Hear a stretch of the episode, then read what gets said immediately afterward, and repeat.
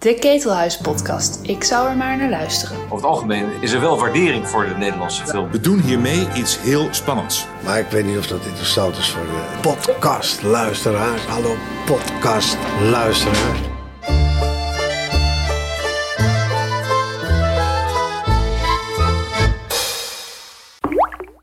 Welkom bij de 48ste editie van de Ketelhuis Podcast, waarin we in een vierdelige serie een duik nemen in de wereld van de Nederlandse filmjournalistiek.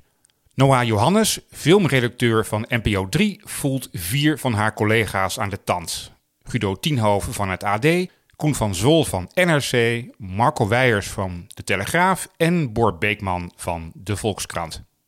In deze vierde en laatste aflevering is het de beurt aan Boor Beekman. Al zo'n 13 jaar werkzaam als filmjournalist bij de Volkskrant. En hij zou het nog wel 13 jaar willen doen. Zeker met de luxe dat hij zelf kan bepalen welke films hij recenseert. Boor erkent dat zijn oordelen vaak wat zuinig uitvallen, maar dat net algemeen de Nederlandse film er bij hem behoorlijk goed vanaf komt al gold dat niet voor het bombardement, film die hij de grond inschreef. Dat hij de film toch nog twee sterren gaf, kwam omdat de ontploffingen zo aardig waren. Luister naar Noah Johannes in gesprek met Boor Beekman. Hallo Boor. Hey, hallo. Wij gaan het zo uitgebreid hebben over jouw geweldige vak. maar kun je misschien eerst voor uh, degene uh, die jou nog niet kennen, uh, even kort iets over jezelf vertellen? Uh, nou, mijn naam is Boor Beekman en ik ben uh, filmjournalist van de Volkskrant. Alweer, uh, nou, alweer heel wat jaar, meer dan tien. Ik geloof twaalf, dertien, Meer dan zoiets. tien jaar? Ja. Wauw. Um, en, maar het bevalt mij uitstekend. En ja, juist in dit jaar met een virus en een, een filmwereld die ja, nou ja, wankelt, gaat misschien een beetje te ver, maar in ieder geval ja, best veranderlijk is, mm -hmm. is het eigenlijk spannender dan ooit. Het is spannender daar ooit. En maakt het jou dan ook weer misschien frisser en scherper dan ooit? Merk nou, je, zie je bijvoorbeeld terug in je stukken? Nou, ik vond het echt. We zijn allemaal uit het lood gelicht het afgelopen jaar. En dat geldt zeker voor die, die, die filmjournalisten die je zojuist opnoemde. Wij worden normaal gesproken net wat te veel geleefd door een agenda, door een enorme bulk aan releases. Die staan te wachten, tassen vol interviews die al af zijn. En nu was er een grote leegte. En, en nou ja, eigenlijk vond ik het heel inspirerend. En heb ik ook zin, of zin, ben ik gewoon heel benieuwd om te zien hoe die filmwereld zich hier, hier dan weer uittrekt. Uh, ja, het is best spannend. Dus je bent, als ik het zo uh, eigenlijk zo al hoor, maar goed, daar gaan we later op verder. Niet alleen bezig met het recenseren van films en het interviewen van makers en acteurs, et cetera. Maar je hebt ook wel echt een scherp oog voor wat zich allemaal afspeelt in de internationale filmindustrie. Ja, uiteraard. Nee, ik, ik, bedoel, ik ben filmjournalist, dus ik, vind het, ik vond het ook uh, heerlijk om, uh, wat was het, een paar maanden geleden, toen de Golden Globes eindelijk instortte, die organisatie, om daar dan een, een, een groot stuk over te schrijven. Omdat er toevallig toch nog best behoorlijk wat Nederlanders in de top van die uh, organisatie hebben gezeten of zitten. Mm -hmm. ik, en dat is leuk. Ik, ja. ik kan het even niet laten, maar ik hoor je zeggen dat die eindelijk instortte. Nou, werd wel een beetje tijd, toch? wel tamelijk corrupt clubje journalisten.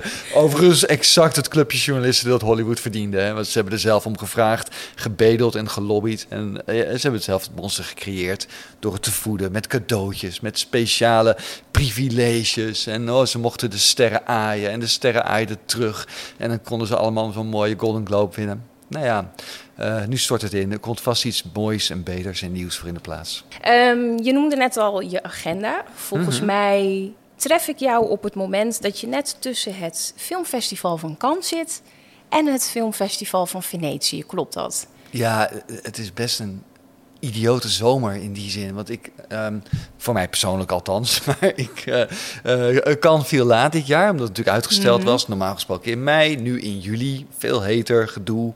Uh, nog steeds behoorlijk wat virusperikelen al daar. Um, en ik kwam eigenlijk terug toen ik nog een paar dagen op de redactie bij de Volkskrant. Daarna had ik vakantie en nu ben ik net terug. en ga ik over een weekje alweer naar Venetië voor uh, een krappe twee weken. Wow. Uh, en daar weer door. Terwijl het natuurlijk ook in Nederland van alles, of met, met filmreleases, dat komt allemaal weer op gang. Dus mm. uh, ja, het is eigenlijk heel druk, maar ook heel leuk. Nou ja, net in Venetië, volgens mij zag ik interviews voorbij komen met, nou ja, laten we zeggen, mensen als Adam Driver, Jodie Foster. En je gaat zo meteen richting Venetië, waar je dan de première van June bijwoont. waar nieuwe films van Sorrentino en Almodovar in première gaan. En dat, dat maak jij dus allemaal vanaf de eerste rij zo ongeveer maak jij dat mee. Wat een vervelende baan heb jij. Nee, het is een hartstikke, leuke baan. En ook weer het gekke van, van COVID is, is dat de. Ja, normaal nemen wij filmjournalisten ook uh, uh, vaak deel of geregeld deel aan junkets. Waar je met een hele groep die, die mensen moet interviewen, zeker op filmfestivals, waar nou eenmaal minder tijd is. Maar omdat heel veel zaken, dingen, afspraken vanwege COVID niet doorgaan, heb ik het afgelopen jaar toch ook ja, echt behoorlijk veel grote regisseurs en acteurs uh, dan ja, via, via, uh, ja, of, of via videobellen geïnterviewd. Of ze toch nog opgezocht. Uh, Viggo Mortensen in, in, in, in, Gent. maar inderdaad, zoals je zei, Jodie Foster, Quentin Tarantino ook nog in. oh, heb je ook nog een ja. En gewoon lang één op één kunnen spreken. dus wat langer over hun, hun werk. ja, dus in die zin vond, had, had het virus hier en daar toch ook wat voordelen. Um, maar uh, ja, en soms Adam Driver noemde je zojuist, dat, dat werd na acht minuten afgekapt omdat hij naar nog moest eten of zo, of naar de première moest. Het was gênant, maar, uh, maar goed. Het is wel mooi dat je dat noemt, want uh, we zijn deze podcastserie begonnen met het idee van, nou ja, rondom dat beroep van filmjournalist, daar hangt een zweem van romantiek uh, omheen. Ik noem nu natuurlijk even een aantal grote namen. Um, en ik kan me dan zo voorstellen dat er mensen zijn in jouw omgeving, of als jij iemand op een feestje ontmoet en die vraagt, wat doe jij? Ik ben filmjournalist. Dat dan vooral dat heel erg tot de verbeelding spreekt. En, en mensen denken, oh, wat een droombaan, wat een droombaan. Al die sterren, al die reisjes. Hoe zie je dat zelf? Ja, nee, voor een deel is het waar. Maar voor een ander deel zijn wij natuurlijk ook gewoon met een hele grote horde. Die journalisten, niet alleen in Nederland, maar zeker op die, uh, ja, die internationale festivals zijn we met uit alle landen komen journalisten. Dus ja, daar, daar stel je ook weer niet zoveel voor. En dat, eh, dat laat de filmindustrie je gerust merken. En, uh, en, en, en, dat is ook helemaal niet erg hoor. Maar uh, ja, dus, dus het zijn uiterste. Soms dan, dan zit je bij, bij zo'n interview met een groep en zo spannend is het allemaal niet. Je kan misschien één vraag stellen. Uh, en die wordt dan soms ook nog wel beantwoord met yeah, kind of, I don't know. En dan komt de volgende er al overheen. Maar je hebt ook momenten ja, waarop je, en ook met die junket interviews, waarin je ja, echt ruimschoots tijd hebt om, om het over van alles en nog wat te hebben. En ja, die romantiek, dat uh, ik, ik, denk wel, als je, als je dit vak al wat langer beoefent, dan denk ik niet dat je stijl achterover slaat van het feit dat je een beroemdheid ziet.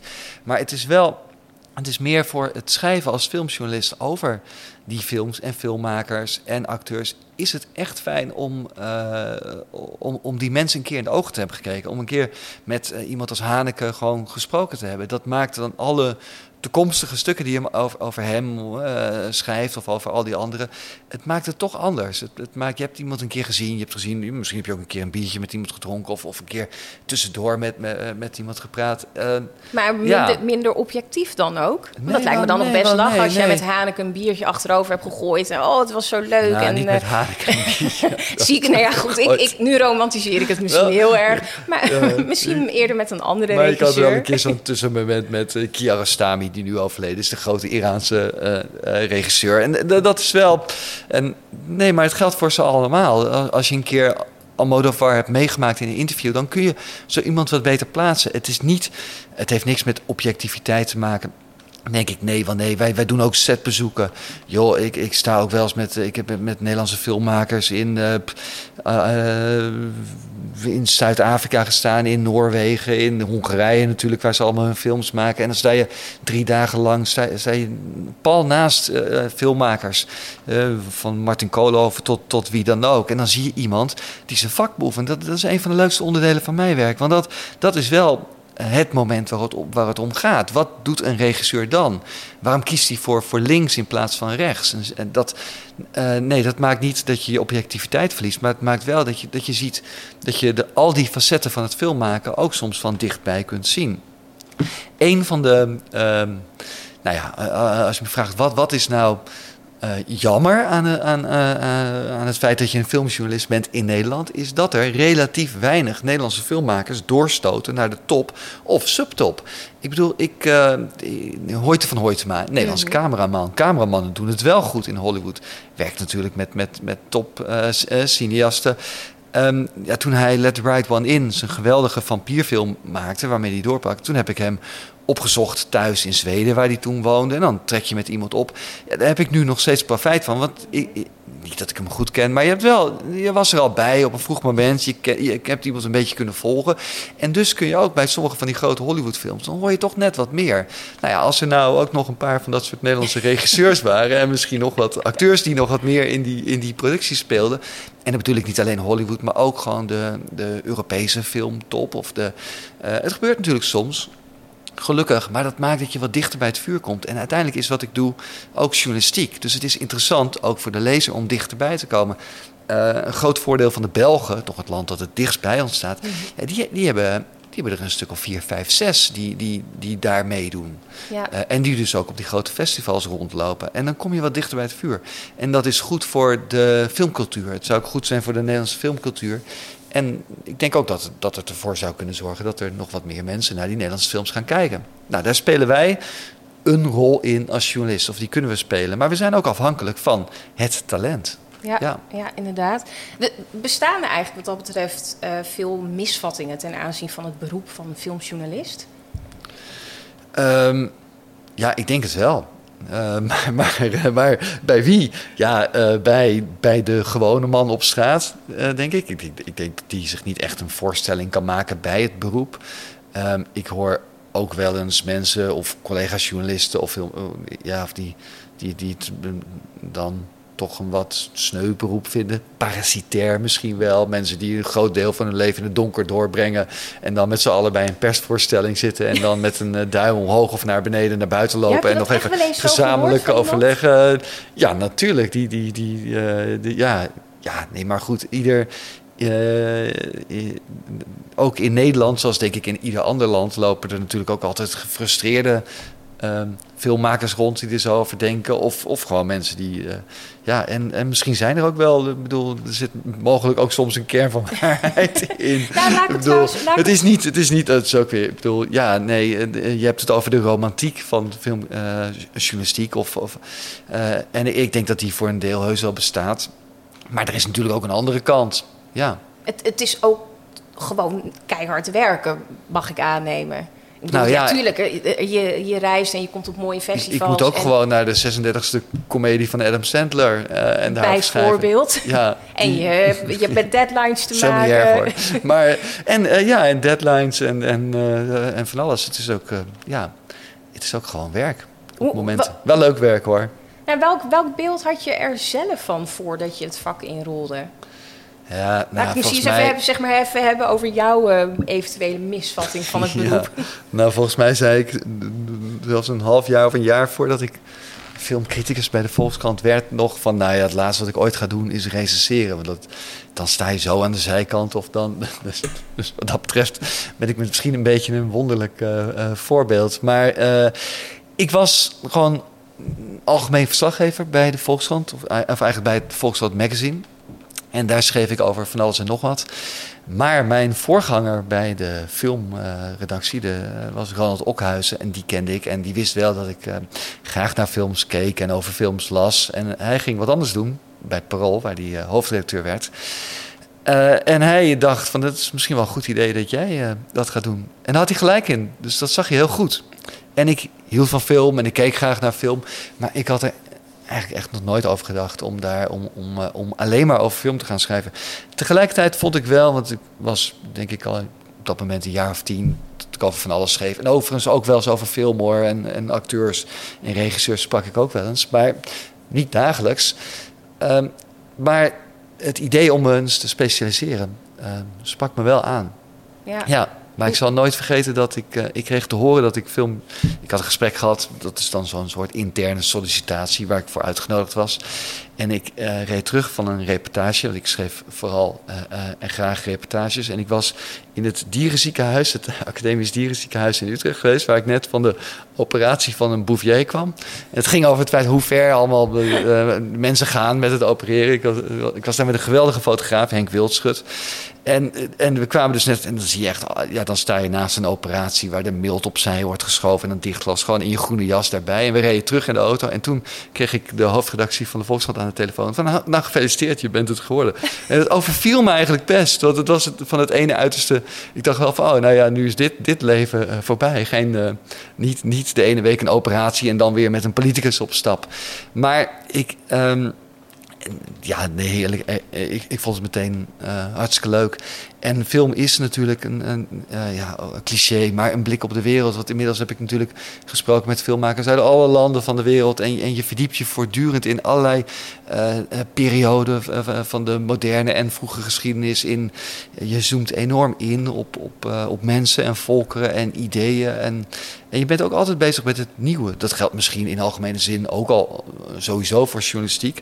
Maar bij kunst en film zijn, filmmakers zijn natuurlijk ook wel mensen die iets proberen te verleggen. Um, niet allemaal, maar er zijn, er erbij die dat doen. En uh, ja, nee, het is fascinerend om daar, om, daar, om daar vroeg bij te zijn, om dat te zien. Het allermooiste moment, als ik dan toch over die romantiek heb, is zo'n filmfestival als Cannes of Venetië. En dat je naar een film gaat van een van die meesters of een nog onontdekte meester, iemand die zich dan daarna zo mag noemen of wordt genoemd.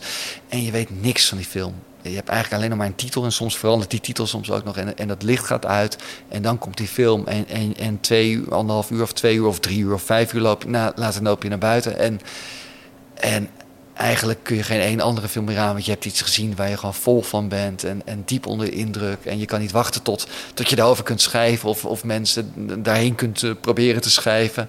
Ja, dat, is magisch. Maar dat is ook te gek. Want nu klinkt het echt alsof je nu net je eerste jaar als, als filmjournalist uh, beschrijft. Nee, maar nog echt met. Oh, maar dat is echt. Nee, maar dat verandert nooit. Nee, maar dan moet je ermee stoppen, denk ik. Als je, als je hier geen zin meer in hebt, als, als het licht dooft. En je, hebt, en je denkt, ah, jezus, daar, daar, gaan we. Dat, dat zei ik, nee, dan, dan, nee, voor die tijd ben ik al lang iets anders aan het doen. Nee, um... Maar doe jij, doe, jij, doe jij ook bepaalde dingen om jezelf een beetje fris te kunnen houden? Als je, als je op sommige momenten denkt van... oeh, nu sluit er inderdaad een gevoel van uh, lopende bandwerk in of iets dergelijks. Dan, nou ja, dan, ga ik even eh, naar een hutje op de hei. Of ik ga even iets totaal anders doen. Of heb jij daar helemaal geen last van? Um, nou, het is niet zo dat ik, dat ik echt bewust dan in mijn agenda iets, iets inplan. Maar ik probeer wel uh, met, gewoon door het jaar heen rekening te houden dat ik, dat ik voldoende uh, op pad ga. Met mensen mee, ergens heen. Uh, dat, dat helpt. En ja, het, is, het is niet. Je, je moet niet, niet alleen maar maandenlang achter elkaar alleen maar recensies schrijven of alleen maar interviews afwisseling. Ja. Een groot voordeel is ook dat ik mijn eigen agenda mag indelen. Ik ben wel degene bij de Volkskrant die bepaalt wie wat gaat doen. Uh, ik heb heel veel geweldige medewerkers die, uh, die overigens lang niet altijd naar mij luisteren, gelukkig. En ook heel goed aangeven wat ze zelf willen doen. Maar ik kan zelf wel zeggen van nou, ik ga die film recenseren of die. Um, dus ja, ik, ik, ik, ik, mag zelf een beetje waken over die afwisseling. Heerlijk, hè? Nu, ja, hartstikke heerlijk. Dan snap ik ook inderdaad dat je na tien jaar uh, denkt... nou ja, hierna nog tien jaar. Of daar bovenop nog weer tien jaar. Um, maar jij rolde dus de filmjournalistiek in... vanuit je, de, journalistieke functie die je al had bij de Volkskrant. Um, Dacht je dan op dat moment, oh jee, ik heb misschien niet per se uh, een, een, filmopleiding gedaan of iets van film- of theaterschappen of uh, wetenschappen of iets in die hoek. Uh, nu, nu moet ik echt even allerlei classics die ik nog niet gezien heb, dat moet ik even gaan bijspijkeren. Ik moet nog even het hele oeuvre van Tarkovsky of Belatar helemaal gaan doornemen of iets dergelijks. Hoe, hoe dacht jij op dat moment over nou ja, je, je eigen filmeducatie? En in hoeverre je die nodig had voor het uitoefenen van dit beroep? Um, ja, nee, nou ja, ik, um, ik ben wel meteen heel veel gaan kijken en trouwens ook herkijken. Maar ik moet wel zeggen, ik, keek al veel films en ik las ook wel eh, graag over films, ook scenario's. En eh, ja, nu op het gevaar af dat ik nu als een soort gefrustreerd filmmaker eh, klink. Maar toen ik van de middelbare school kwam, heb ik twee boekjes voor een vervolgopleiding aangevraagd. En één was voor de Filmacademie en die andere was de School van Journalistiek. Uh, overigens was ik vast van plan om journalist te worden, maar het is niet. Ik, maar we keken wel. De, ik ging heel graag naar de bioscoop en niet alleen maar naar de Hollywoodfilms. Um, dus het is het je was niet wezensvreemd. jezelf al opgeleid. Ja, ja, maar er is wel een groot verschil tussen, tussen gewoon kijken en volgen... en wel de, de Hanekes en zo zien en anderen. En, en dan heb je inderdaad ook nog de Belatars. En er is er nog een hele wereld die, die ook voor mij nog wel te ontdekken viel. En, en ik had niet alle klassiekers gezien. Volgens mij heeft niemand alle klassiekers gezien. Is dat um, essentieel? Nou... Um, Nee, essentieel is dat je een enorme filmhonger hebt. En, en, en soms, en het is ook. Um, ja, uiteindelijk beschouw ik film ook ook als een taal. En wij zijn allemaal, iedereen, of je dat nou wil of niet, heeft zoveel uren film gezien, Hollywoodfilm, dat die taal, die spreken we allemaal. En uh, in, in dat opzicht is iedereen overigens ook een criticus hoor, die een film ziet en naar buiten loopt. Het enige verschil is dat, dat ik en wij het onder woorden proberen te brengen en zo onze gedachten ordenen. En natuurlijk verdiepen we ons wel. We, je, kijkt, als je, je kijkt meer van iemand, je probeert een oeuvre te volgen, je probeert het ook te plaatsen.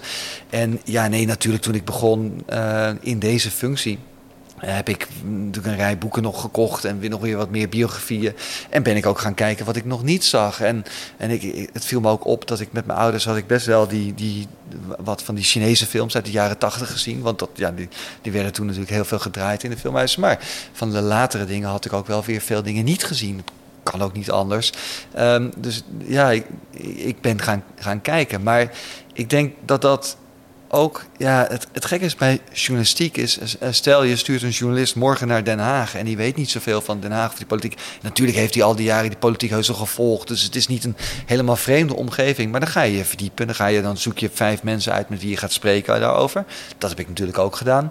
En je, en je schaft wat boeken aan en je, en je gaat wat, wat werk ondernemen. Maar een voordeel is ook wel dat je, dat je nog niet alles weet, dat je nog niet bekend bent met al die opinies. Ik had... Uh, uh, ik vond een, ik interviewde afgelopen jaar ook weer eens Nanook Leopolds. Een geweldige Nederlandse regisseur. En die vertelde erover dat ze het zo bevrijdend vindt soms om toneel te regisseren. Omdat ze is filmmaker natuurlijk van huis. Daar weet ze alles. Ze weet precies, oh, als ze dit doet, zit, oh, dan zit, ik, eh, dan zit ik in de buurt van, van Antonioni. En oh, dan zit ik daar.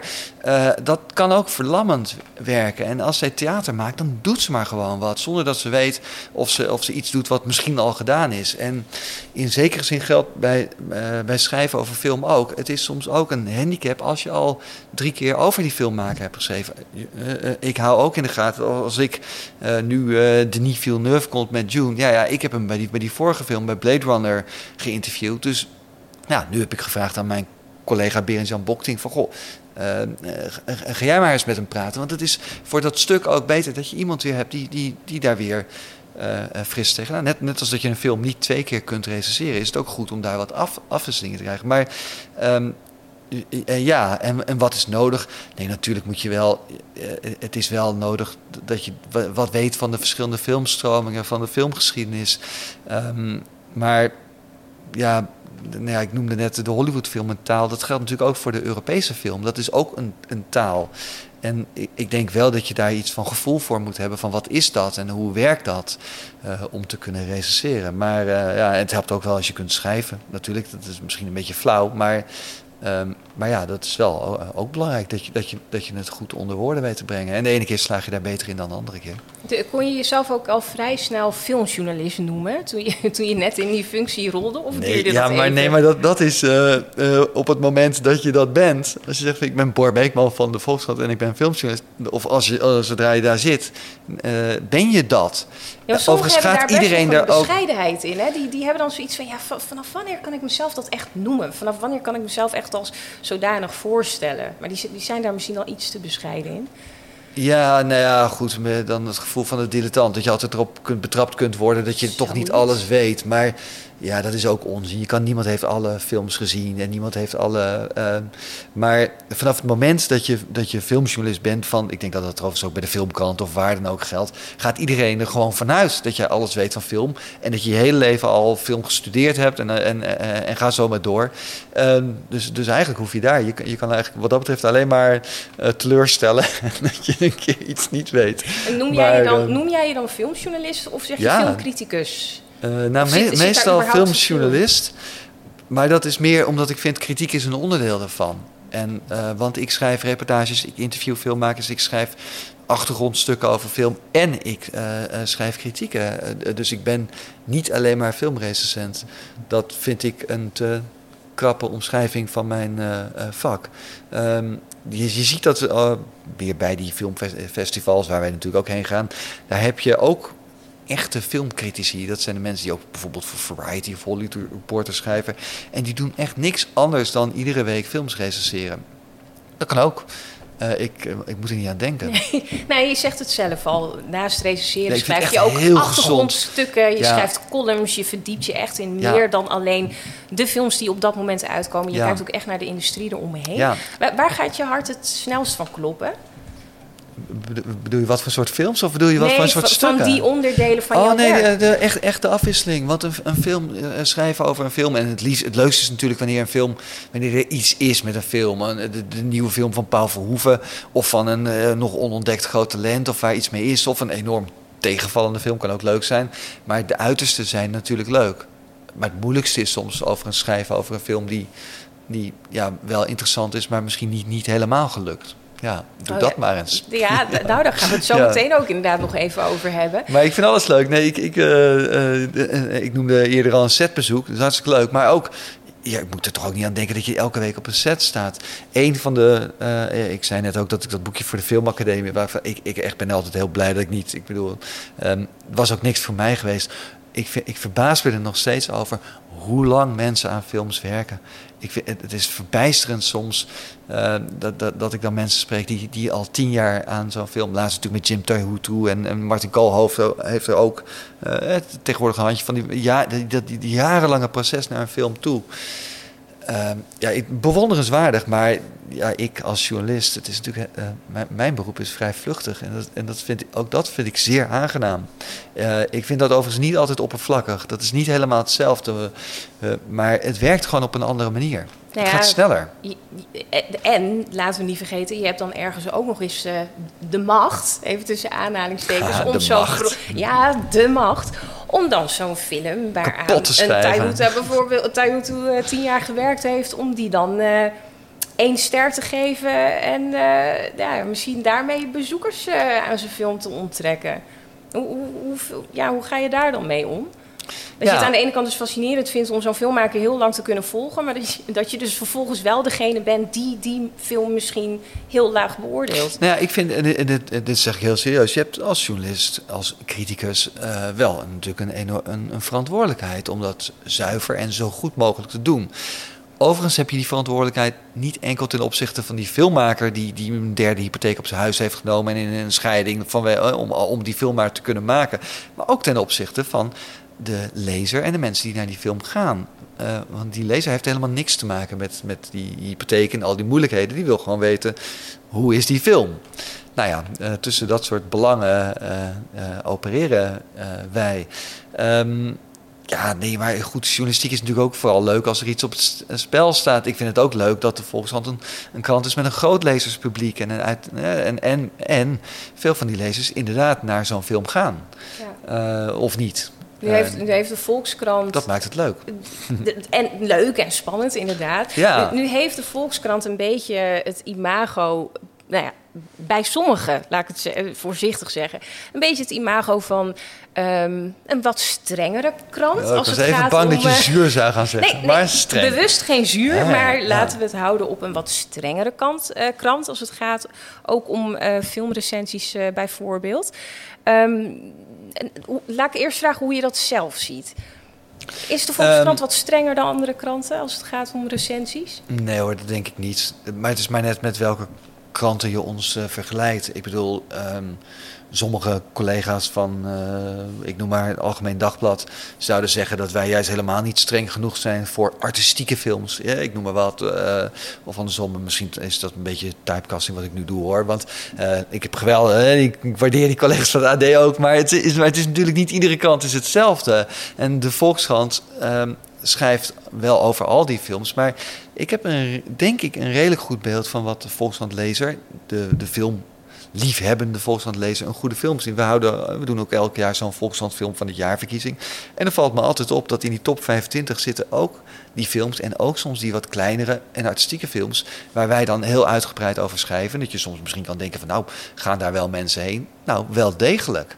Uh, en die lezen onze krant, dus dat is goed. Maar, ik, maar ik, ik snap ook heel goed dat bijvoorbeeld de Telegraaf overigens schrijven die ook over dezelfde films waar wij over schrijven. Maar het, het is net een ander lezerspubliek. En ik geloof niet dat je, um, dat je dan anders gaat recenseren. Want, want je schrijft uiteindelijk gewoon ook op wat jij vindt en wat jij uh, denkt en uh, jouw oordeel over die film. Maar, um, maar zit dan, bij de, zit dan de, de hoeveelheid aandacht die je schenkt aan een film of aan een filmmaker, mm -hmm. hou je wel rekening met, met, met, met, met je lezers. Ja, maar, maar zit dan die signatuur van die krant of ja, inderdaad het beeld wat jij dan hebt van het lezerspubliek. Beïnvloedt dat nergens een keer je mening? Of, of misschien, nou nee, eens zozeer je mening. Misschien begint dat al bij de selectie van de films waarover je schrijft. Of het taalgebruik bijvoorbeeld? Um, ja, bij, de, bij, de, bij de, de hoeveelheid aandacht die wij aan iets geven wel. Maar ja, we, we kiezen we kiezen, dat is, dat is toch, dan komen een aantal dingen samen. We willen schrijven over, over wat wij goed vinden, belangrijk vinden. En, um, en ja, dat, dat vind ik op sommige momenten belangrijker dan. dan ik, ik, ik, ik, kan niet in de hoofden van al die lezers kijken. Alleen maar achteraf kan ik zien, god, zijn ze erheen gegaan of niet. Um, dus dat speelt mee, schrijf je anders voor. Uh, nee, ik, ik, ik, ik denk alleen wel dat wanneer je schrijft voor een krant als de Volkskrant, het is meer dat, dat, dat ik schrijf voor mensen die heel veel naar film gaan en ook voor mensen die wat minder vaak naar film gaan. En ik denk dat, dat we daar als krant of als, als filmredactie wel rekening mee moeten houden. Dus ik vind het bijvoorbeeld niet verstandig om, uh, om drie, om als je een vergelijking maakt in een recensie, om dan drie andere films te noemen. Wat ik soms zie bij anderen. En, en ik, ik kan me voorstellen dat dat voor de filmkrant bijvoorbeeld makkelijker gaat. Maar bij de, bij de Volkskrant vind ik dat ook een beetje, nou ja, dan, en wat dan als die lezer die twee of drie van die films niet heeft gezien? Wat, wat is dat dan voor een vergelijking? Dan kun je beter één film kiezen, of misschien kun je beter op een andere manier uitleggen wat je bedoelt. In plaats van refereren aan, ja, het is een beetje in de stijl van die en die of zo. Ja, tenzij het IT is of zo, weet je wel, dat, dat iedereen uh, kent. Maar overigens vind ik ook dat je best wat kennis mag veronderstellen bij de lezers hoor. Het is niet zo dat, ik, dat, ik, uh, dat we daar, uh, ja, de, de kan best heel wat aan. Maar, waar komt maar dan... streng, ja, ik, ik, ja, waar ik vind ons niet imago, streng. Waar komt dat imago vandaan, denk je? En, zelfs, ja. en zelfs het woordje zuur, wat dan misschien wel eens valt. Nee, maar uh, nee, nee, ja, mijn, mijn uh, ooit uh, Peter van Buren, vorig jaar overleden, een filmcriticus, gerenommeerd filmcriticus, illuster filmcriticus van de Volkskrant, had het daar ook wel eens over. En ja, die, en die, die zei dan van ja, maar luister, um, uiteindelijk als je een, een, filmjaar bekijkt, is gewoon een, een, slechts een klein deel van de films echt heel goed. En heel veel films, ja, niet. En als je dan dus al die recensies leest, ja, dan, dan, uh, dan, dan zou je kunnen veronderstellen dat, dat de krant een beetje streng is. Alleen uh, vaak is dat ook terecht. Want ja, er worden natuurlijk, als je ieder filmjaar bekijkt, dan, zijn het, dan is het uiteindelijk een handjevol of, of, of tien uh, films die, die, die er echt bovenuit stijgen. Ontvang je wel eens reacties van lezers? Ja, natuurlijk. Ja, zijn die dan overwegend positief? Of zitten daar ook wel eens hele strenge brieven bij?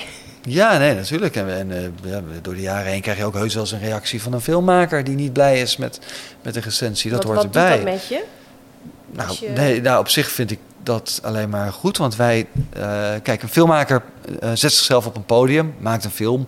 Net als dat iedereen, hè, of je nou een boek schrijft of, of, of een theaterstuk of wat dan ook doet. Je, je zegt, kijk ernaar of, of kom maar kijken. Dus wij schrijven erover. Maar wij doen met een uh, kritiek natuurlijk hetzelfde. Wij zetten die in de krant. Dus ja, logisch dat prima dat mensen daarop reageren. En zeker de makers zelf. Ik vind dat wel gezond. En, en Maar je hebt En no- ik- nooit, echt nooit een keer echt buikpijn gehad van de reactie die je kreeg. Of dat je misschien toch even ging twijfelen aan de woorden die je hebt gebruikt. Ben ik nou toch... Had ik het daar mis? Ben ik daar te hard geweest? Had ik het bij het verkeerde eind? Heb ik naar dezelfde film gekeken? Nou, ik noem maar even een aantal voorbeelden. Nee, eigenlijk niet. Ja, ik heb een keer een akkefietje gehad met, eh, of nou, trouwens met een paar Nederlandse films wel. Dus Het gaat natuurlijk dan altijd om Nederlandse films, want ja, eh, Scorsese gaat, gaat mij niet een, mail eh, sturen. Nou, die zou je dan Ik misschien bijna ge- Ik heb hem inlijsten. meermaals geïnterviewd hoor, maar, maar die gaat niet schrijven van nou Boor, je, je recensie van mijn laatste film viel me toch wat tegen. Dat zie je verkeerd. Ja, maar die zou je nee. inlijsten toch, als je die krijgt? Ja, ja hij, mag, hij mag altijd mailen. Maar, komt maar Nederlandse filmmakers. Nederland ja, precies. En, en dan. En dan eh, ja, nee, kijk, eh, wanneer krijg je een. eh, ik ben een keer. waren mensen boos om, vanwege wat ik schreef over Gooise Vrouwen, deel 2, geloof ik. En verzon de, de, de, de baas van RTL dat ik, dat ik, ik moest strafregels gaan schrijven. En, want die film zou, ik weet niet hoeveel keer genomen, ik weet niet hoeveel gouden kalveren winnen. Nou, daar was niet, niet echt sprake van uiteindelijk, maar goed. Maar wel En, commercieel succes. Ja, maar daar, daar is er ook niks mee. Ja, dat Nee. heeft niks te maken met mijn recensie natuurlijk. En eh, bij uh, Kenau kreeg ik ook wat ingezonden eh, brieven. Of er was in, in ieder geval een ingezonden brief in de krant en wat reacties. Me- mensen vonden me toen heel streng en ook eh, eh, te hard, geloof ik, voor, eh, eh, voor de film en de filmmakers en de acteurs. Eh, ja, wat kan ik zeggen? Ik, eh, ik, had gewoon gelijk. En natuurlijk had ik het ook meer verbloemd kunnen opschrijven. En, en misschien nog één regeltje wat er dan wel of zo, zo te prijzen viel aan die film. Maar ja, soms is dit ook gewoon wel wat het is. Ehm, en, en dan vind ik het ook wel leuk. Ik ben toen ter verantwoording geroepen hier in het Ketelhuis. eh, eh, ter overstaan van de hele filmclub die hier dan jaarlijks vergadert.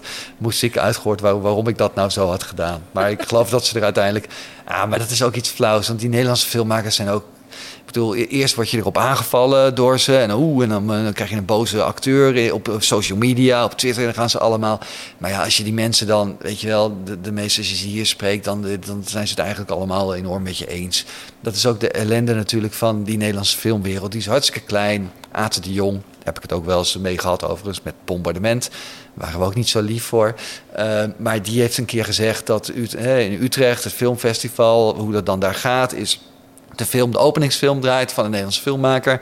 Iedereen klopt hem of haar op de borst. Geweldige film. En dan loop je weg en zeg je de ander, wat een waardeloze film was dat. Ik heb dat letterlijk, zoals hij dat vertelt, zo meegemaakt. Meermaals. En ook een keer bij een filmmaker, ik zal geen namen noemen nu. En in de kring om me heen, die hele avond stonden inderdaad al die mensen uit de Nederlandse film. Van, oh, wat mooi. En ik hoorde ze daar om me heen allemaal hele andere dingen zeggen. De volgende dag kwamen de recensies en die waren niet zo best.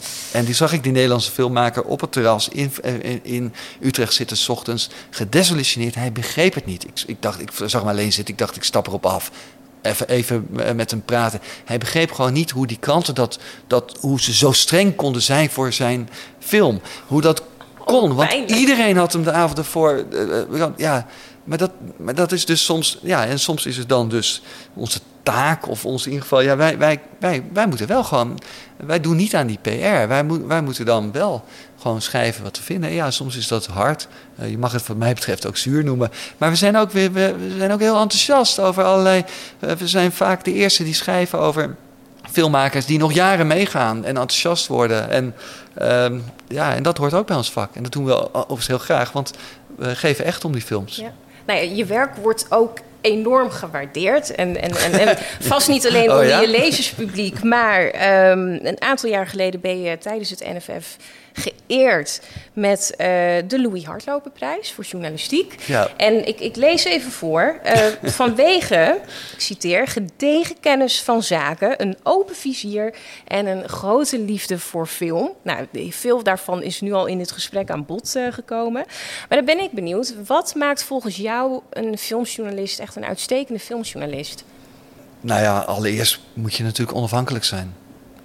Um, en ja, dat is een voorwaarde, denk ik, voor, voor alle journalistiek. Maar het is wel eh, in de filmwereld denk ik ook heel belangrijk. En dat betekent ook dat je wel inderdaad durft te schrijven wat je, wat je vindt. Voorbeeldje, uh, mijn ook weer zeer gewaardeerde collega Floortje Smit, die ook al jaren, nog langer dan ik, voor de Volkskrant schrijft over film, die recenseerde afgelopen week Droek, de film uh, nou ja, een, een, van de films van het jaar misschien wel. Thomas Oscar weer, Thomas Winterberg. Ja. Uh, um, ja, zij had ook in haar kritiek, uh, ze was net wat minder enthousiast dan sommige anderen. Um, ze, ze, beredeneert het, betoogt het uh, uitstekend. Ze vond, het, ze vond het al wel geweldig geacteerd. Ergens toch ook, uh, ja, misschien toch een beetje wat stereotype midlife crisis mannenfilm. Nou, dat mag. Maar dat moet je dus wel uh, durven. Ik ben het niet met haar eens overigens ook dat mag bij de Volkskrant. Mm Gelukkig, we zijn het heel vaak oneens uh, met elkaar op die filmredactie. Maar dat, uh, dat is een voorbeeld van ook van goede filmjournalistiek. Ik ben het er misschien niet mee eens, maar ik kan haar redenatie volgen. Ook dan hoef ik het er nog steeds niet mee, maar ik vind het wel gewoon goed opgeschreven. En ze durft wel te staan voor wat zij uh, vindt. En, en ze probeert dat zo goed mogelijk te be beargumenteren. Nou, dat hoort er ook bij. Het is ook een misvatting Um, vaak, eh, soms, soms op nu.nl of zo, weet ook wel eens, dan worden die verschillende recensies achter elkaar gezet. En dan is het vaak alsof het iets vreemds is als daar een enorme discrepantie. Als, als NRC dit vindt en wij dat. Of andersom. Terwijl ja, dat, dat veel van de meest interessante films loopt dat enorm uiteen. En, uh, en dat is ook maar goed ook. En ja, wat maakt een, een goed een filmcriticus is denk ik, je hoeft het niet met hem of haar eens te zijn, maar je moet wel kunnen volgen wat, wat, wat, uh, wat er wordt betoogd in dat stuk. Het moet wel een goed en helder, uh, ja, goed geschreven stuk zijn. Lees je eigenlijk wel eens het werk van andere filmjournalisten buiten je eigen redactie om? Ja, voortdurend. Ja, en dan alleen ja. Nederlandse of ook buitenlandse? Nee, ook buitenlandse. En, uh, en ik, ja, en ook wel eens kritiek uit het verleden of zo, van, van Bundel. Uh, bedoel, ja, ik heb ook wel eens wat van Pauline Keel of zo bijvoorbeeld gelezen. En niet, niet omdat dat dan per se een voorbeeld is van hoe ik dan wil schrijven. Maar het is hartstikke interessant om, om te zien. Filmkritiek verandert natuurlijk ook door de decennia heen. Niet alleen in Nederland, maar overal op de wereld. Dat is denk je een van de grootste veranderingen geweest de afgelopen jaren?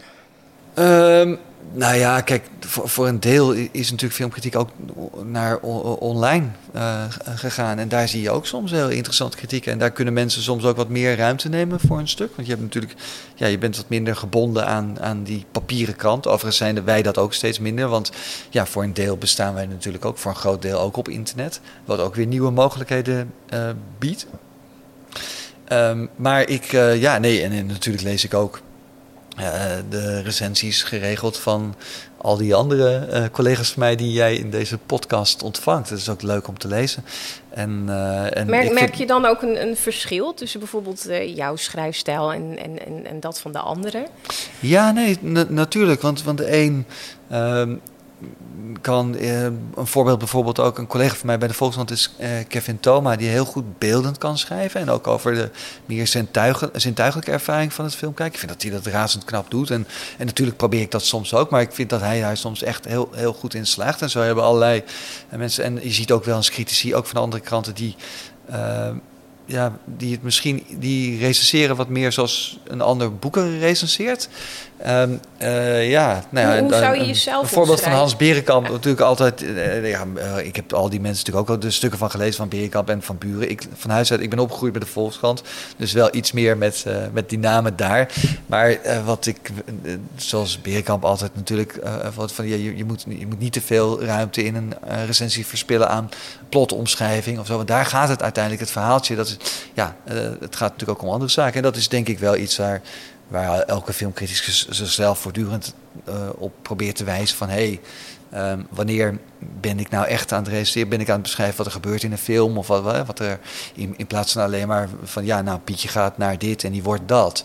Um, een van de dingen toen ik begon uh, met dit vak en, en, toen ik dus voor het eerst ging recenseren, is heb ik zo'n gele markerstift uh, gepakt en ben ik in allerlei kritieken van NRC, AD tot de New York of wat dan ook, in recensies alleen maar gaan arceren op de momenten waarop iemand zich echt uitspreekt over wat hij of zij vindt van de film. Even De los woordjes van en dingen los van beschrijving of omschrijving. Ja. Gewoon die, al die signaalwoorden. En wat de, de, de ergste is natuurlijk altijd dat iemand zegt dat iets eh, urgent is of zo. Of, eh, je ziet dan ook al die woorden en daar schrik je ook van. Ik heb, best- ik heb, heb ze ook onder elkaar opgeschreven. Al die woorden die veel te vaak terugkeren in recensies. Van, signaalwoorden waar je ook een beetje mee moet oppassen. Want wat betekent dat dan? Eh, Ik, kwa- ik kwam destijds, nou je vertelt me net hoe, eh, vroeg me net hoe filmkritieken veranderen. Toen ik begon was op een of andere manier het woord schuren heel populair. Dat zag ik heel vaak in kritieken terugkomen, dat iets schuurde. Dus ik nam me wel voor, omdat ik ben nu bang dat iemand gaat, gaat, gaat googlen, gaat kijken of ik het ook ooit gebruikt heb. Maar, Vast. maar excuus. Maar ik heb me toen zijn. wel voorgenomen van, nou even maar niet schuren. Geen schuur in de film. En urgent is inderdaad ook, eh, zeker nu promenade het de hele tijd kiest. En, en het bij de publieke omroep zelfs, eh, ja, eh, dat ze daar gillen dat iets urgent moet zijn. Ja, dat, die woorden worden natuurlijk op een gegeven moment hol en loos. Zoals meer begrippen, een soort rare containerbegrippen. Nou, daar moet je als filmcriticus van de Volkskrant wel voor oppassen. Ja, een beetje wegblijven van die clichés. Maar d- misschien ook inderdaad wat meer in die begintijd van je filmjournalistieke jaren. Had je toen ook eh, had je, had je voorbeelden, even los van de Nederlandse filmjournalisten die je zojuist noemde? Ehm, nee, maar nou, niet specifiek voorbeelden, maar wel. ehm, je, je, ziet wanneer je daar meer van gaat lezen, dan zie je bijvoorbeeld de verschillen tussen, tussen filmkritiek. Dan zie je dat, dat in, eh, in Engeland of, of Groot-Brittannië het soms iets speelser mag. Dat, dat een kritiek soms ook op zijn kop kan worden gezet. Dat er iets geks mag gebeuren. Dat het niet alleen maar oh, bla bla bla. En dan met zo'n eindzin die alles nog even samenvat. Wat, wat ook vermoeiend kan zijn als je dat altijd op dezelfde manier doet. En daartegenover zie je dan weer de stijl van regisseren van de Amerikaanse trades. De vakbladen zoals Variety en alles. En, eh, die soms ook ja, dat is bijna alsof ze. eh, Ja, voor, voor, soms ook een beetje alsof ze voor een soort economisch model proberen te omschrijven van waar een film aan moet voldoen. En dat, dat, daar, daar moet je denk ik ook weer niet intrappen. Tegelijkertijd moet ik zeggen dat iemand die ik eh, het eerste jaar leerde kennen, Jay Weisberg, eh, een eh, Amerikaanse criticus van Variety. eh, ja, vind ik dat hij dat heel, wel heel goed doet. En dat hij heel goed weet eh, eh, ja, het midden houdt tussen schrijven voor zo'n blad. En tegelijkertijd ook voor mensen die heel veel van film houden en weten. En eh, dus, dus ja, daar, eh, dat kan ook weer wel interessant zijn. Het is niet zo dat voor die bladen alleen maar hetzelfde soort critici werken, zoals voor de Volkskrant best uiteenlopende eh, schrijvers, eh, journalisten werken, vind ik. Eh, wat stijl betreft, zo werkt dat bij anderen ook. Maar ja, ja ik lees eh, wel veel, met plezier. Maar ik, het, is, niet zo dat ik nou één voorbeeld heb of, of eh, nee, dat hoe, niet. Maar hoe, hoe zou jij jezelf nu op dit moment als filmjournalist omschrijven? of stel een ander zou jou reviewen. Die zou zeggen, nou, Boor Beekman is het type filmjournalist dat, puntje, puntje, puntje. Ja, nou, nee, nou, oh, ik denk wel, ik- iemand heeft ook wel eens, eh, ik heb ook heus wel eens gehoord dat ik dan soms misschien iets wat zuinig ben of, of misschien wat te streng. Eh, ik, ik, ik denk niet dat dat zo is. Wacht even, te Maar- zuinig en te streng. Maar daar, daar zit Ja, voor dus, mij een dus, heel gat dus gat te tussen. zuinig met lof of dat Ah, iets te zuinig met ja. lof. Oké. Ja, ja, nou ja. Dus ook zuinig met sterren? Dat, dat, is, dat.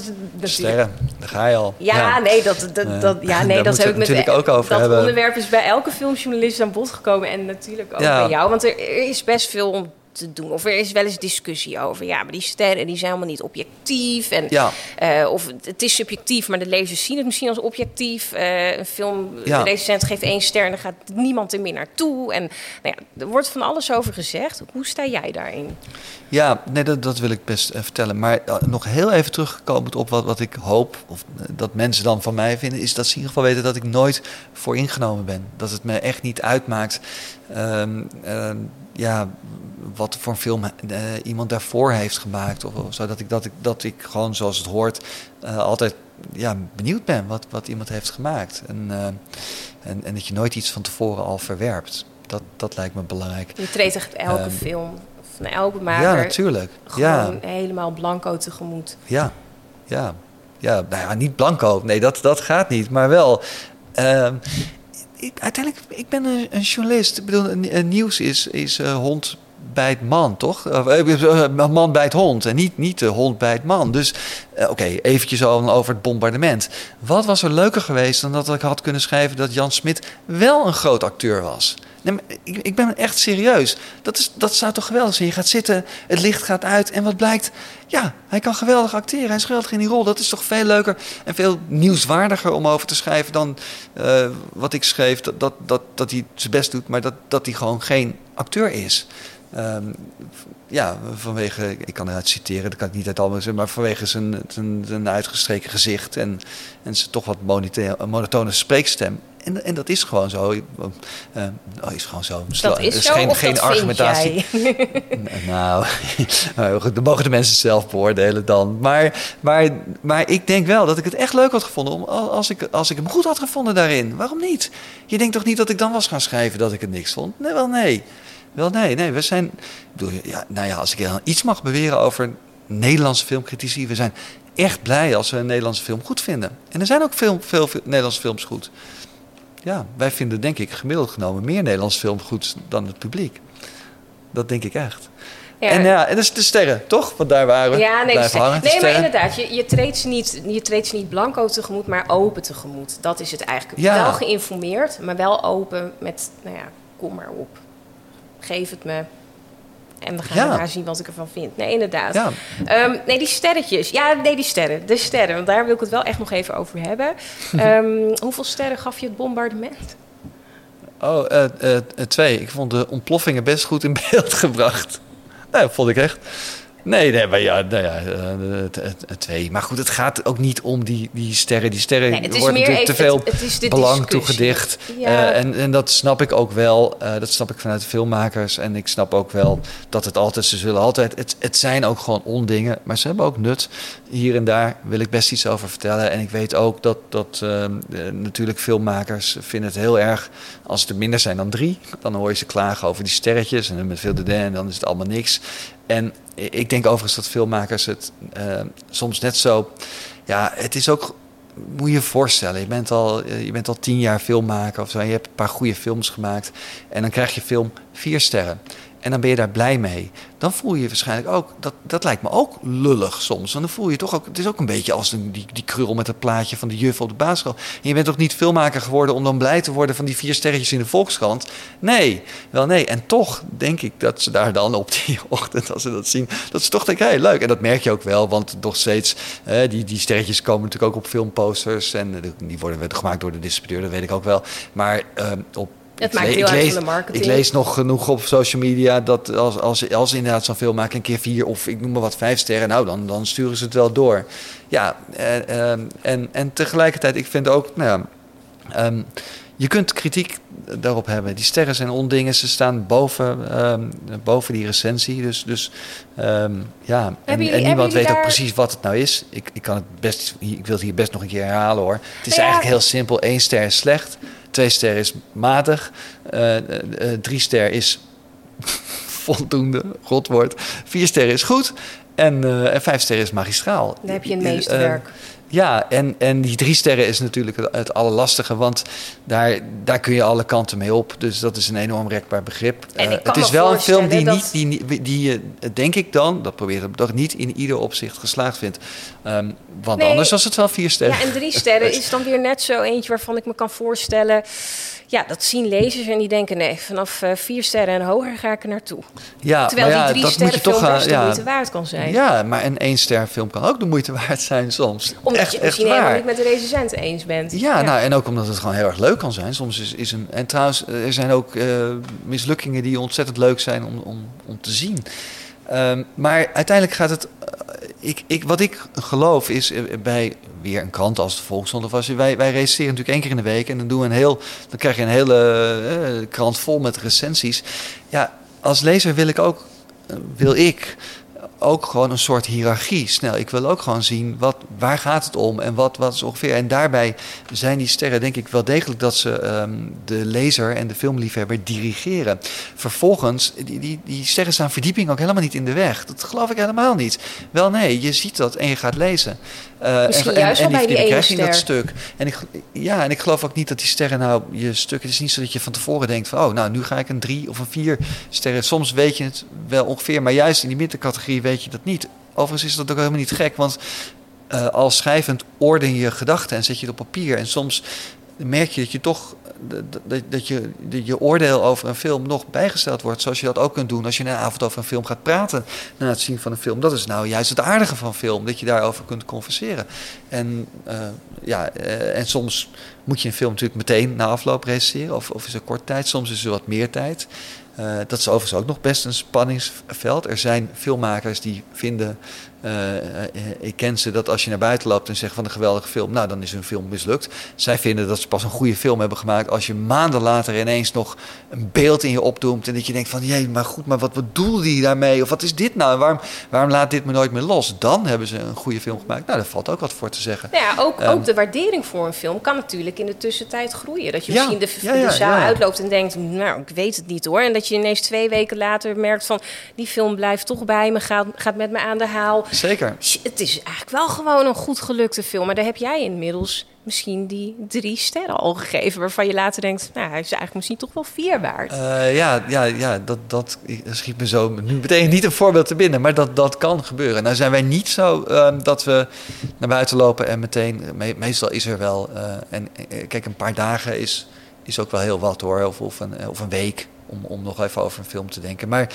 ja, wij zijn natuurlijk niet helemaal normale uh, kijkers, want we zien ook veel meer films dan de gemiddelde bioscoopbezoeker. Maar ik vind die, die, uh, die sterren, uh, ja, ze, het zijn raar, gekke dingen. Ze bestaan ook al lang, hè? La, leidt de discussie ook op de redactie eens in de zoveel tijd ja, even op? jawel, want bij, boek, bij boeken zijn er, zijn er ook wel wat, wat tegenstanders, geloof ik. Uh, ik, ik bepaal het, het niet overigens of ze aanblijven. Maar ik ben, ik ben geen, nee, wat ik zei, ik ben geen principieel voorstander. Maar ik denk wel degelijk dat ze nut hebben voor het lezen. Wat ik soms ook wel zie bij sommige van de kranten of, of, of, of tijdschriften die afgehaakt zijn. Wat betreft zeggen, dat, dat je dan, misschien was dat de begintijd, maar dat, dat je ook iets wat enerzijds, anderzijds recensies geeft. Het, het, het, het gekke en misschien wel soms nare aan die recensies is dat het je ook als criticus dwingt om te zeggen: ja, maar wat uh, vind je nou dat die Met lezer erheen moet of niet? En wat, wat vind je nou echt? Je kan niet, ja, um, dat kun je in, in een stuk soms wat makkelijker verhullen. Um, ja, Overigens gaf een collega van me bij de Volkskrant, Bert Wagendorp, columnist, die gaf ooit een keer, vond ik, een geweldige definitie van een drie sterren uh, bespreking. En dat was? film. Die zei, ja, dat is een film waar je, waar je best heen kan, maar wel in goed gezelschap. Leg even uit. Nou ja, dus dat, daar kun je wel heen. Maar, maar je, je moet wel ook je moet misschien een leuke iemand meenemen. Zodat het in ieder geval, hoe dan ook, een, een, een fijne avond wordt. En dat je ook nog wat dat je dat kunt bespreken dan met elkaar. Terwijl een vier of een vijf sterren film, dan kun je desnoods in je eentje heen. En dan zit je ook goed. Ja, precies. Vond het Ik vind het wel een goede definitie. Ja, daar kun je heen, maar dan wel met een leuke iemand. Ja, Drie sterren. ja. Drie sterren. Um, Boor, je hebt een prachtig beroep en, en, en na tien jaar ben je er nog hartstikke enthousiast over. Uh, ik zei eerder al, het klinkt alsof jij dit nog wel tien jaar wil blijven doen, zo niet langer. Um, maar, maar zijn er bepaalde dingen waarvan je zegt, nou, dat, dat hoop ik dan binnen mijn uh, ja, beroep als filmcriticus um, toch nog te mogen doen of te mogen meemaken? Of misschien wel iets wat ik wil veranderen bij de krant als het gaat om de aandacht voor film? Um, nou, kijk, ik, ik, hoop gewoon dat de. Want dat is het leukste voor mijn vak, filmcriticus, filmjournalist in Nederland. Ik hoop dat de nieuwe generatie Nederlandse filmmakers uh, weer wat aansluiting vindt bij die uh, Europese of wereldtop van filmmakers. Dus bij de internationale festivals. Daar, uh, nou ja, dat, dat is gewoon, gewoon wat, wat minder de, de afgelopen jaren. Maar vind je dat zo dat het, belangrijk? Nou, um, ik denk dat het belangrijk is voor de Nederlandse filmcultuur. Um, dat we dus, want je moet je losmaken van wat enkel Nederlanders. eh, of, of eh, in de bioscopen, denk ik, eh, waar, waar- ze massaal heen gaan. Ik denk dat je ook als je Nederlands filmmaker bent en je begint, dan, zijn er denk ik grofweg twee routes. Of je, je, je zorgt ervoor dat jouw films zo opvallen en zo goed zijn, dat ze dus op die internationale festivals terechtkomen. En dan kun je je een beetje losmaken van het filmfonds en van de omroepen. Want die gaan, als jij daar, eh, zoals ik noem wat, de Belg, Lucas de Hond, eh, daar gevierd bent, dan gaan die omroepen hopelijk en, en het filmfonds gaan jou wat minder vertellen hoe jij je film moet maken. Lijkt me. Dan krijg je toch min of meer carte blanche, dan kun je wat gaan doen. Nou, dan moet je dat waarmaken. Ehm, dat, dat spel kun je als jonge aanstormende filmmaker heb je wel wat krediet. Zeker als je iets goeds hebt gemaakt, soms ook een korte film, dan krijg je een paar van die kansen. Maar dan moet je wel, je moet of succes hebben op die festivals. En dus ook hoe moet dat gebeuren? Dat je, dat je daar circuleert. En daar dus ook eh, allianties kan aangaan met andere partijen. Want anders dan ben je na drie films terug bij af. En dan ben je weer afhankelijk van, van die, die veel te kleine Nederlandse partijen en financiers en, en, subsidie. Ehm, en een andere route is dat je dan dus publieksucces hebt. Dat je in Nederland. Maar ja, dan, goed, dan maak je weer een ander soort films. Ehm, nou, publieksuccessen zijn er wel in Nederland, gelukkig. Maar ik denk dat je, als je als filmmaker ook artistiek wil meetellen, dan zul je dus toch eh, moeten kunnen aansluiten in Berlijn of in Venetië of in Cannes. En een aantal Nederlandse films. Er zijn nog meer eh, festivals hoor, waar, waar dat lukt. Ehm, dus, dus ja, dat er voldoende Nederlandse filmmakers zijn die dat lukt. Ehm, en er zijn talenten, hè? dus ik heb goede hoop dat, dat ze er Ja, zijn. joh, we hebben Maar- natuurlijk net Vincent Tilanus eh, gehad vorig jaar in Cannes, die daar is Ja, opgemerkt. ja, eh, ja, Kant ging toen niet door, alleen. Ja, toen ging die niet door. Maar, Maar- goed, hij maar was goed, opgemerkt. Dat Eh, is heel belangrijk. Ja. Ja. want dat betekent dat je bij je volgende film, dat, dat ze daar dan dus op letten. En, en dat kan, ja, misschien is het voor de gemiddelde film of, of eh, filmliefhebber in Nederland eh, tamelijk abstract. Maar het maakt dat je, dat, dat je dus de films kunt maken die jij wil maken. Ik, ik zal ook nooit vergeten dat ik een keer Paula van der Oest zag in, het is alweer tien jaar geleden. Het gaat hartstikke goed nu met haar carrière. Volgens mij ging het toen ook goed. Maar goed, toen was ze in Utrecht. En toen hoorde ik haar vertellen dat hoe ze soms wel zeven verschillende ballen moest ophouden. Omdat ze nooit wist welke film het dan ging worden. En hoe lastig dat is voor film. Want ja, je kan wel alles gaan inzetten op je droomproject. Maar ja, als je, dan ging dat weer niet door. Want dan vond iemand weer dat eh, ergens in zo'n linkje of zo'n schakel vond dat dan niet. Dus was ze altijd. Ja, dat is niet goed. En, en, en dat je aan, aan eh, een scenario schrijft meer met, met, met het fonds of met de omroep in gedachten dan met wat jij nou wil maken. Dat is ook niet goed. Dus je moet je bevrijden van die ketens. Ehm, en dat kan door, door te stralen op, op die eh, festivals. Dat geloof ik echt. ja. Ja. Nou ja, we zien er gelukkig een aantal. En, En dat is leuk om over te schrijven. Want de filmcultuur in Nederland. eh, ik ben het wel mee eens. De laatste Gavi Keizer van Groene Amsterdam betoogde dat. Martin Koolhoven betoogt het ook voortdurend. Dat, dat, die, dat ze proberen die filmliefde in Nederland wat, wat, wat, wat groter. Die moet je koesteren, wat, wat groter maken. En, en dat is eh, nu met de bioscopen, dat, dat, dat is belangrijk. En, en, ehm, en het is interessant en leuk om daaraan bij te kunnen drijven, dragen als, als filmjournalist. Maar film. Er, er, moet- er moet iets nieuws gebeuren, ook zo nu en dan, ook Ja. in Nederland. Ja, en op het gebied van zowel de publieksfilms als eh, echt wat meer Ja. de artistieke films. Maar goed, ik denk dat we daar inderdaad, we noemden net Vincent Tilanus al. Je, de, de, de- vorig jaar eh, Tessa Meijer, geloof ik, die een eh, residence kreeg ook in Cannes. en Ja, Sandy Jarovic. eh, die, Mees dus zat er ook Ja, dus tegenaan zijn- daar. En, en er zijn, en natuurlijk vind ik ook Shady El Hams is Ja. natuurlijk ook. En, en overigens Sam de Jong ook. Ben razend Ja. benieuwd wat hij gaat doen. Is iemand bij, bij wie dat wel, ja, in, in Berlijn. eh, en, en er zijn meer. Ehm, ja, en, van- en van de generatie daarvoor is, is natuurlijk Jim Tahutu ook. Ja. eh, ja. Eh, ik denk dat ze vol- zijn volgende ander. speelfilm komt veel sneller dan, eh, dan de Oost. Dus dat is ook leuk. Ik maar, hopen van wel voor eh, hem, ja. ja, ja. Nee, maar er gebeurt, er gebeurt genoeg. Maar goed, je zegt dat is in ieder geval één ding wat, wat ik dus ook hoop te zien gebeuren als filmjournalist. Dus hè, die, de, de Nederlandse talenten die echt wat meer op een internationaal podium eh, eh, zich eh, gaan bewegen. ja. En, en, en verder voor jou persoonlijk, of nou ja, persoonlijk wel in je vak dan, wat, wat zijn nog dingen waar je misschien van droomt? Of dat, dat het ene interview dat je graag nog wil doen, of misschien wil je nog wel een boek gaan schrijven over het oeuvre van een filmmaker. Ik noem maar even wat. Eh, nou, eh, ik wil absoluut blijven schrijven en, en ook nog wel even over film. Maar eh, ja, ik, ik ga niet.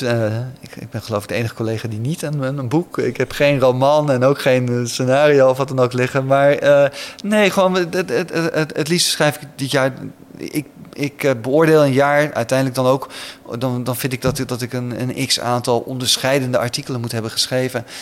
stukken, dat vind ik het leukst. Die eigenlijk misschien wel iedereen had kunnen schrijven in Nederland dan, maar dat niet heeft gedaan om een of andere reden. En dat, dat ik dat dan wel heb gedaan, dat vind ik leuk, want dan heeft dan, uh, nou ja, daar uh, krijg ik, kan ik enige voldoening van krijgen. Maar ik weet nog niet wat dat dan komend jaar is.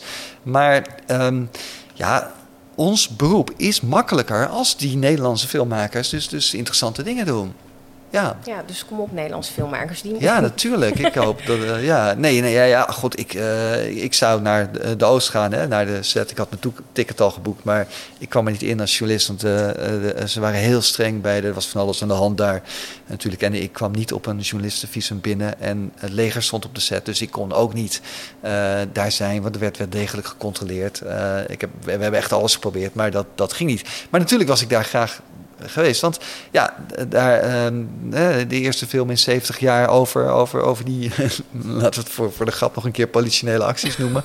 um, maar daar wil, je, daar wil ik bij zijn als filmmaker. Zoals ik er ook bij was, gelukkig toen, toen uh, uh, Martin Koolhoven Brimstone aan het uh, maken was, in, was ik in, in Hongarije.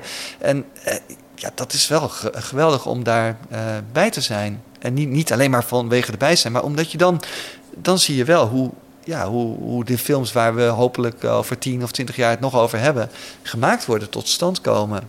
Um, dat waar, vind, jij, dat, waar jij dan um, mooie onderscheidende artikelen over. Uh, ja, dat is toch het leukste. Ja. Mooi. Ja. Boor, ik dank je hartelijk voor dit gesprek. Ja, jij ook dank. Tot zover deze Ketelhuis podcast. Je vindt de Ketelhuis podcast in je favoriete podcast app en natuurlijk op onze website ketelhuis.nl/slash podcast. Abonneer je vooral zodat je geen enkele aflevering mist en leuk als je een reactie achterlaat. Hou ons in de gaten, we zijn snel weer terug met een nieuwe podcast.